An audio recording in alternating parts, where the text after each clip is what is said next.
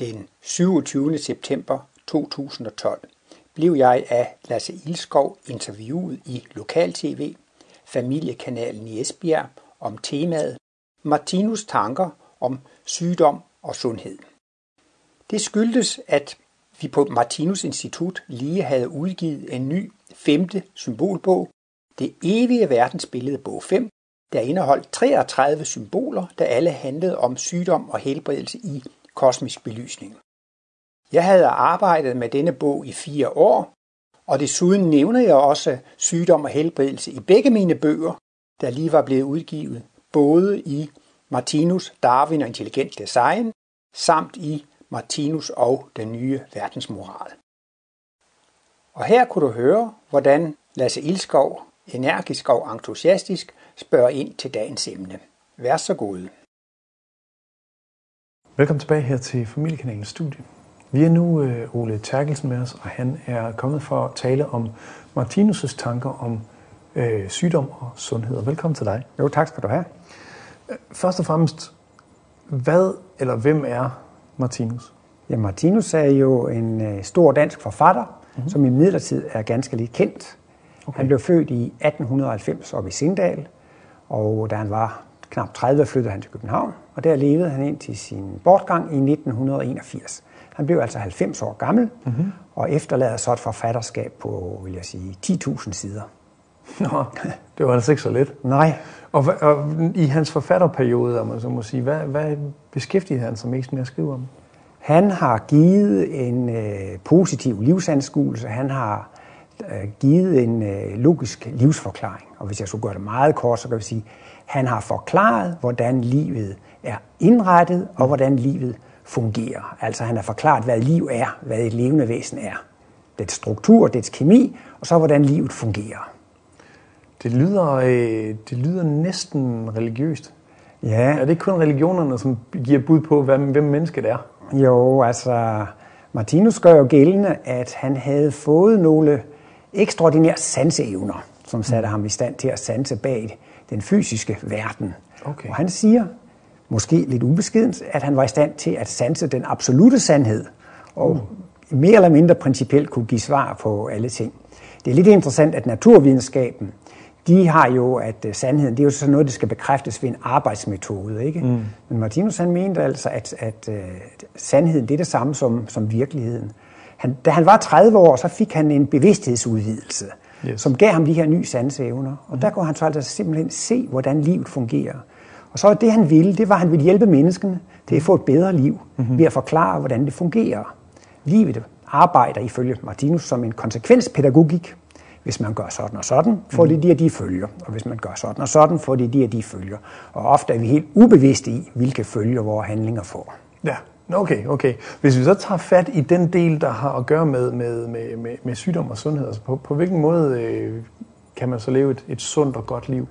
Ja, man må sige, at det vigtigste er egentlig, hvordan man tænker, og det er jo måske sådan lidt nyt med, at det er helt afgørende, hvilke tanker vi har.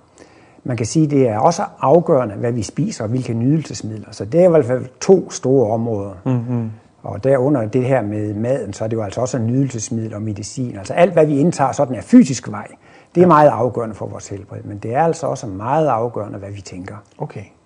Øh, på hvilken måde er det vigtigt, hvordan jeg tænker? Ja, altså for Martinus så er alle levende væsener jo altså elektriske væsener. Mm-hmm. Der var også en overgang, jeg så en, mange Discovery-programmer, og jeg husker særlig en udsendelse, som handlede om bioelektricitet.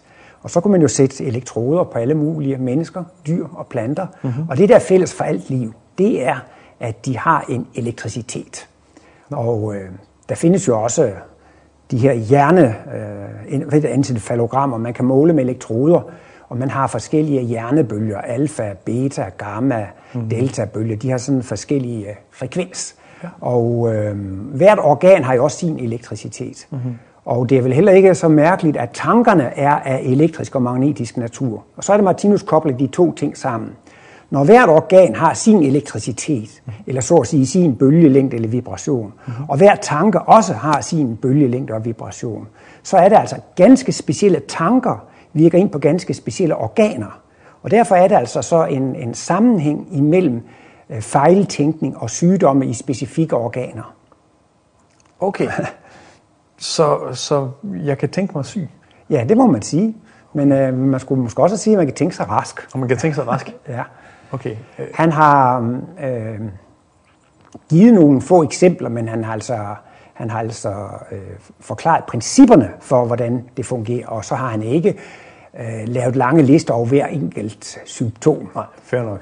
Ja, men, men kan du komme med et eksempel på noget, ja, han har nævnt? Han øh, peger på, at hvis man er meget temperamentsfuld, hvis mm. man er meget vred eller hisig eller ilter eller kolerisk eller har nemt ved at fare flint, disse vredesudbrud, det kan man selvfølgelig lødelægge en anden med at ja. blive så vred. Ja. Men inden det når den anden, så passerer det ens egen krop.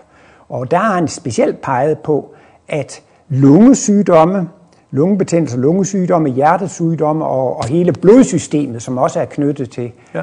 lunge-hjerteområdet. Og der er også mange naturvidenskabelige undersøgelser, altså store mængder, altså, der viser, at folk, som er meget temperamentsfulde, er udsatte for, for hjerte-karsygdomme. Jeg ved ikke, om du kan huske håndboldspilleren Anja Andersen? Jo. Jeg var jo elsket at se, hun spillede så godt. Mm-hmm. Hun kunne blive noget så stjernetosset. Det kunne hun. Og da hun var 30 år, mm-hmm. så måtte hun opgive sin aktive karriere på grund af hjertesvaghed.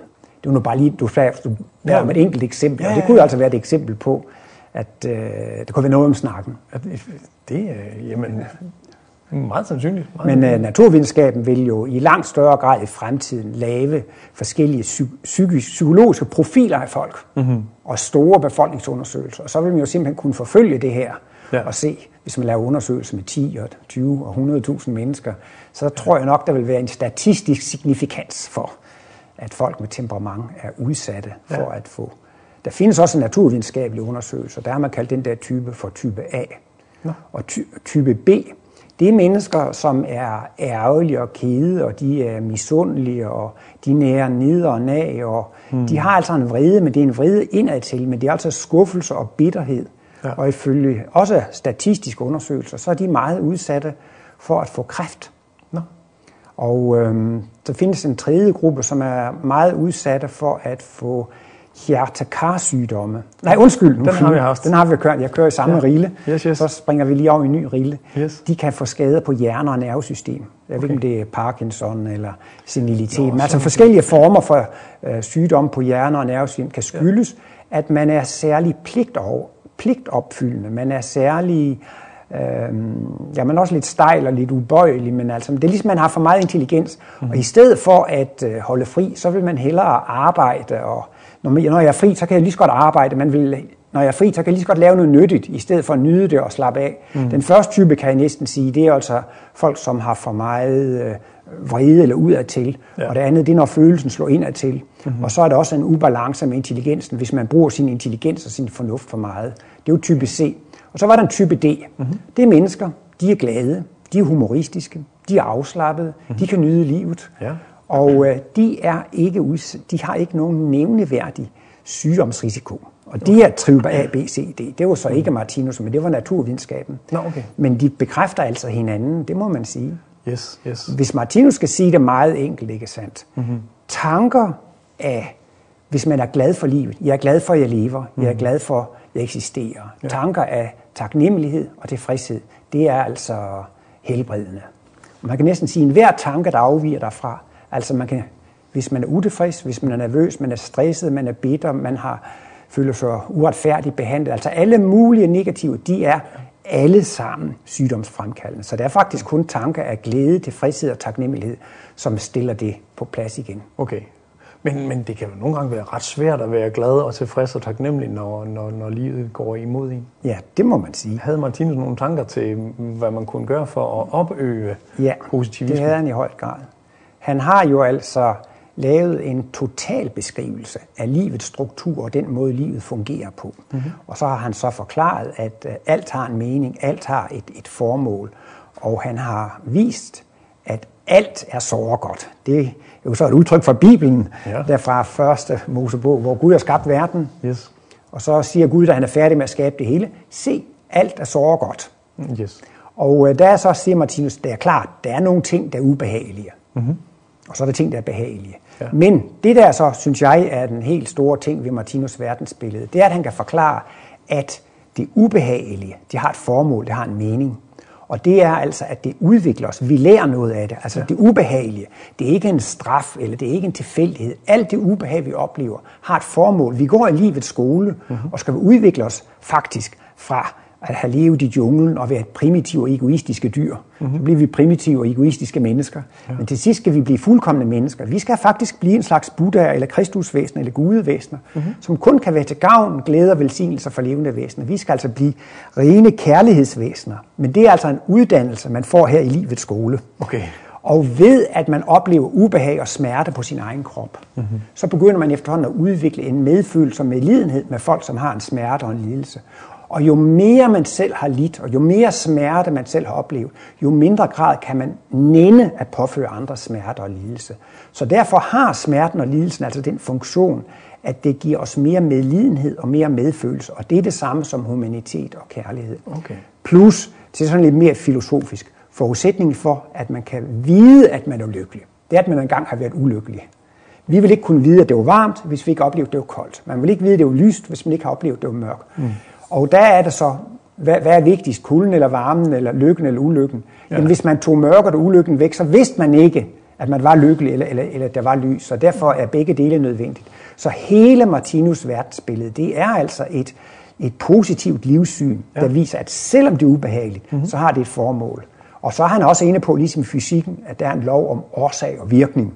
Yes. Den formulerer Martinus jo så som en skæbnelov. Mm-hmm. Altså at livet bruger en konsekvenspædagogik. Ja. Hvis man selv er egoistisk, bliver man udsat for egoistiske handlinger. Og man god og kærlig, bliver man udsat for, for tilsvarende. Så der er altså en feedback, ja, eller en ja. årsag og virkning, jo. som gør, at man har her et redskab til at tage modgangen lidt bedre. Mm-hmm. Altså, hvis man har en meget svær situation, så er det jo to ting, man skal tænke på. Mm. Det er ikke de andres skyld.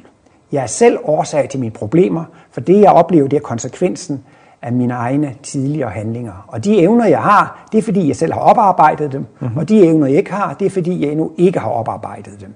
Så alt det her med, at man er misundelig på andre, og det er deres skyld og hans og hendes skyld, det er negative tanker, som fremkalder sygdommen. Okay. Men man skal have en erkendelse af, at alt det, jeg oplever, det er noget, jeg selv har skabt. Og jeg oplever det kun for at Altså i hvert fald, hvis det er ubehageligt, så oplever jeg det kun for, at jeg skal lære noget af det. Men livet er jo ikke så surt, at det kun er opdragelse Nej. og undervisning. Livet er også udtryk for kærlighed og underholdning. Men det er jo så det behagelige. Mm-hmm. Og Martinus er jo blevet meget kendt for at dele alle livsoplevelser i to halvdele. Mm-hmm. Og så siger han, det ene, det er det ubehagelige, men gode. Og ja. det andet, det er det behagelige gode. Og det gør jo så, at hvis man begynder at, at integrere det i sin personlighed, begynder at integrere det i sin tankemåde, mm-hmm. så får man efterhånden også selv en bedre og bedre evne til at se, at alt er så godt. Ja. Men det er ikke alt, der er så behageligt. Men det der syn på, at alt er så godt, det er altså øh, befordrende for helbredet. Ja. Men øh, lad os sige, at jeg har ikke kendt til de her ting. Ja. Øh, lad os sige, at jeg er blevet syg, jeg har ja. en eller anden form for kræftsygdom ja. eller ja. et eller andet i den stil. Ja. Hvor meget kan jeg så ved at, at bruge Martinus' tanker omkring det her med at være tænke positiv og være positiv og et ja. godt menneske? Ja. Øh, hvor meget effekt tror du, det har på, på mig, når jeg har levet et helt liv i, ja. i, i, altså ja. i bitterhed eller ja. i irritation og frustration? Ja. ja, altså det første jeg vil sige, det er, det er et ord, det kan lyde lidt kynisk, men det er i hvert fald et gammelt ord, man siger, det er ikke et spørgsmål om, hvordan man har det. Det er et spørgsmål om, hvordan man tager det. Yes. Så hvis man er i en situation, hvor man er i en uhelbredelig sygdom, så kan man jo ikke helbrede den. Mm. Men man kan måske lære at tage den på en anden måde. Og det er jo altså, der er også nogen, der kan hypnotisere folk, så de kan blive fri for smerter, men der er smertestillende midler. Men der er jo nogen, der kan hypnotisere folk, så de ikke har smerte. Det er jo ikke det, man skal gøre ved sig selv, men man kan godt prøve at tænke anderledes. Ikke? Jo. Og specielt de to tanker, hvis man er klar over, jeg er selv årsag til det, så er det ingen grund til at være bitter på andre eller samfundet eller andre omstændigheder. Ja. Og så lyder det jo fuldstændig absurd, men det er jo så den mentale suverænitet. Hvis man kan være taknemmelig for de smerter og lidelser, man får i forbindelse med sin sygdom, fordi man forstår, når jeg har lidt, så får jeg mere medlidenhed. Når jeg selv har følt smerte, så får jeg mere medfølelse. Altså, man skal ikke bare kigge på lidelsen alene, sygdommen alene, men hvilken effekt afsætter den. Og det er mere medlidenhed og medfølelse, og det er humanitet og kærlighed. Mm. Så altså vejen til at blive et kærlighedsvæsen, det er, at man skal gå selv gå erfaringens vej og selv gå oplevelsens vej. Ja, okay. Men lidt længere ned ad vejen, så har man måske en chance for at helbrede sin kræft, hvis man kommer ind på at tænke positivt. Ja. Så kan det muligt, at sygdommen kan, kan gå tilbage. Men det er også det, at selvom man ikke forstår de her tanker, mm-hmm. så sætter det en virkning alligevel. Dyrene, det er jo vores yngre brødre udvikling. Selvom dyr ikke forstår måske, hvorfor de lider og bliver sparket og slået ihjel osv., mm. den lidelse, de har, har oplevet, den lager sig i deres bevidsthed i deres psyke, ikke sandt? Så, ja. så, så det gør ikke noget, man ikke har læst Martinus verdensspil og ikke forstår det. Det virker alligevel. Ja, ja. Men jeg, jeg skal lige høre, siger du det med, at jo, i virkeligheden, at jo mere smerte man har, jo bedre er det? Ja, men uh, nu er det jo også et større kapitel. Martinus mener jo, at alle levende væsener er evige væsener. Ja. Martinus ser sådan på det. Energi er energi og kan aldrig være andet. Mm. Energi kan ikke opstå af ingenting. Energi kan ikke blive til ingenting. Ja. Og så mener Martinus også, at liv er liv og kan ikke være andet. Liv kan ikke være opstået af noget dødt, og liv kan ikke blive til noget dødt. Nej. Og selve bevidsthedsfænomenet, hvor det er kommet fra, jamen siger Martinus, det har altid været der, og det vil blive ved med at være der. Ja. Og jeg så en serie udsendelser på Danmarks Radio, DR1 og 2, som hed Sjæl og Videnskab. Jeg ved ikke, om du så men det var en serie på ja, 6 nej, det gjorde ikke. Og der var jo virkelig et kernepunkt der. Mm-hmm. Kan bevidsthed have en eksistens uden for den fysiske krop? Og ja. der er jo mange mennesker, der mener, ja, bevidstheden har en eksistens uden for den fysiske krop. Når mm. vi dør, ja. så går sjælen ud af kroppen, så går bevidstheden ud. Og der er mange nærdødsoplevelser, som faktisk bekræfter, at bevidstheden findes uden for den fysiske krop. Men der ja. er naturvidenskaben jo ubenhørlig. Ja, var... ja, der er altså, der skal være gang i organerne og cellerne, ja. så kan der være tale om bevidsthed. Men lige så snart kroppen går i stå, så er der ingen bevidsthed. Ikke? Og mm. der mener Martinus så, at bevidstheden den øh, går over på et åndeligt plan, ja. som i virkeligheden er vores hjemmeplan. Vi egentlig, du ved også i fodbold, så spiller man på hjemmebane og udebane. Mm-hmm. Han mener lige frem, at vi spiller på udebane, når vi er helt den fysiske verden. Ja. Den åndelige verden er jo egentlig vores øh, hjemsted. Men, og der gør Martinus gældende, at vi har et evighedslæme. Ja. Vi har altså et jeg. Ja. Vi har en væsenskerne, mm-hmm. som er evig. Ja. Og alt, hvad vi har oplevet, alt, hvad vi har trænet og øvet, alle de færdigheder, evner, anlæg og talenter, vi har, de bliver så at sige hængt op på dette evighedsstativ, mm. så de vil overleve den fysiske krops undergang. Yes. Og så når man så bliver født i næste liv, mm. så er der nogen, som er meget følsomme og kærlige og venlige, og nogen er ikke. Og der er det så dem, der igen mange liv har oplevet mest smerte. Det er de mest kærlige. Altså et sted, siger Martinus, de mest kærlige mennesker, det er dem, der har grædt flest tårer. Okay. Og i human henseende kan man ikke blive mere end det, man har grædt sig til. Når Jesus kunne sige, når han blev korsfæst og sige, fader forlad dem, de ved ikke, hvad de gør. Mm. Han havde virkelig medlidenhed med dem. Ja. Når de piner og plager mig og slår mig, så piner og plager de sig selv. De ved ikke, hvad de egentlig gør. Men hvordan kunne han sige det? Det var ikke bare en talemåde. Nej. Det var ikke bare, fordi det var politisk korrekt. Nej, nej. Han følte virkelig med dem.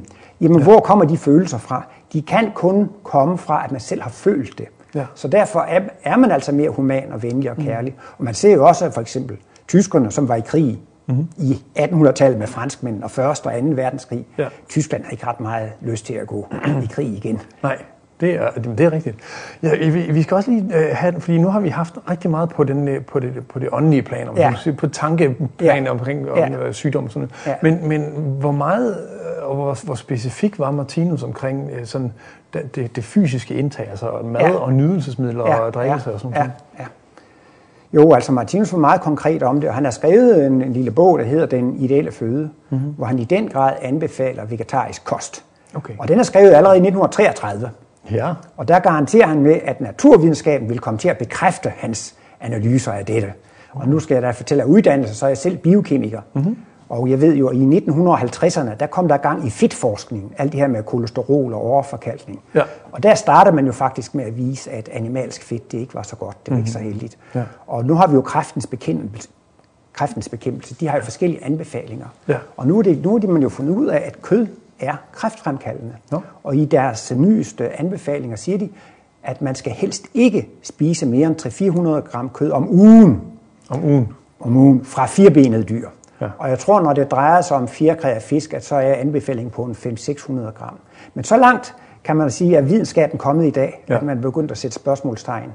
Og du ved jo også, at i dag er det jo meget op med alt det her animalske fedt, ikke sandt? Jo, jo, jo. jo. Så, men uh, Martinus mener altså, kød, det er sundt for løver og tiger og hunde og katte. Ja. Men han mener altså, at vi mennesker, vi, vi er kommet lidt forbi det punkt. Okay. Og øh, i alle fald er der meget ernæringsforskning, der anbefaler, at vi skal spise mere frugt og grønt. Det er meget fiber. Fiberholdigt det er godt for, det, for fordøjelsen og så videre. Det, det er så det, Martinus i den grad anbefaler. Ja, Men ja. han mener altså, at kødspisning har to alvorlige konsekvenser.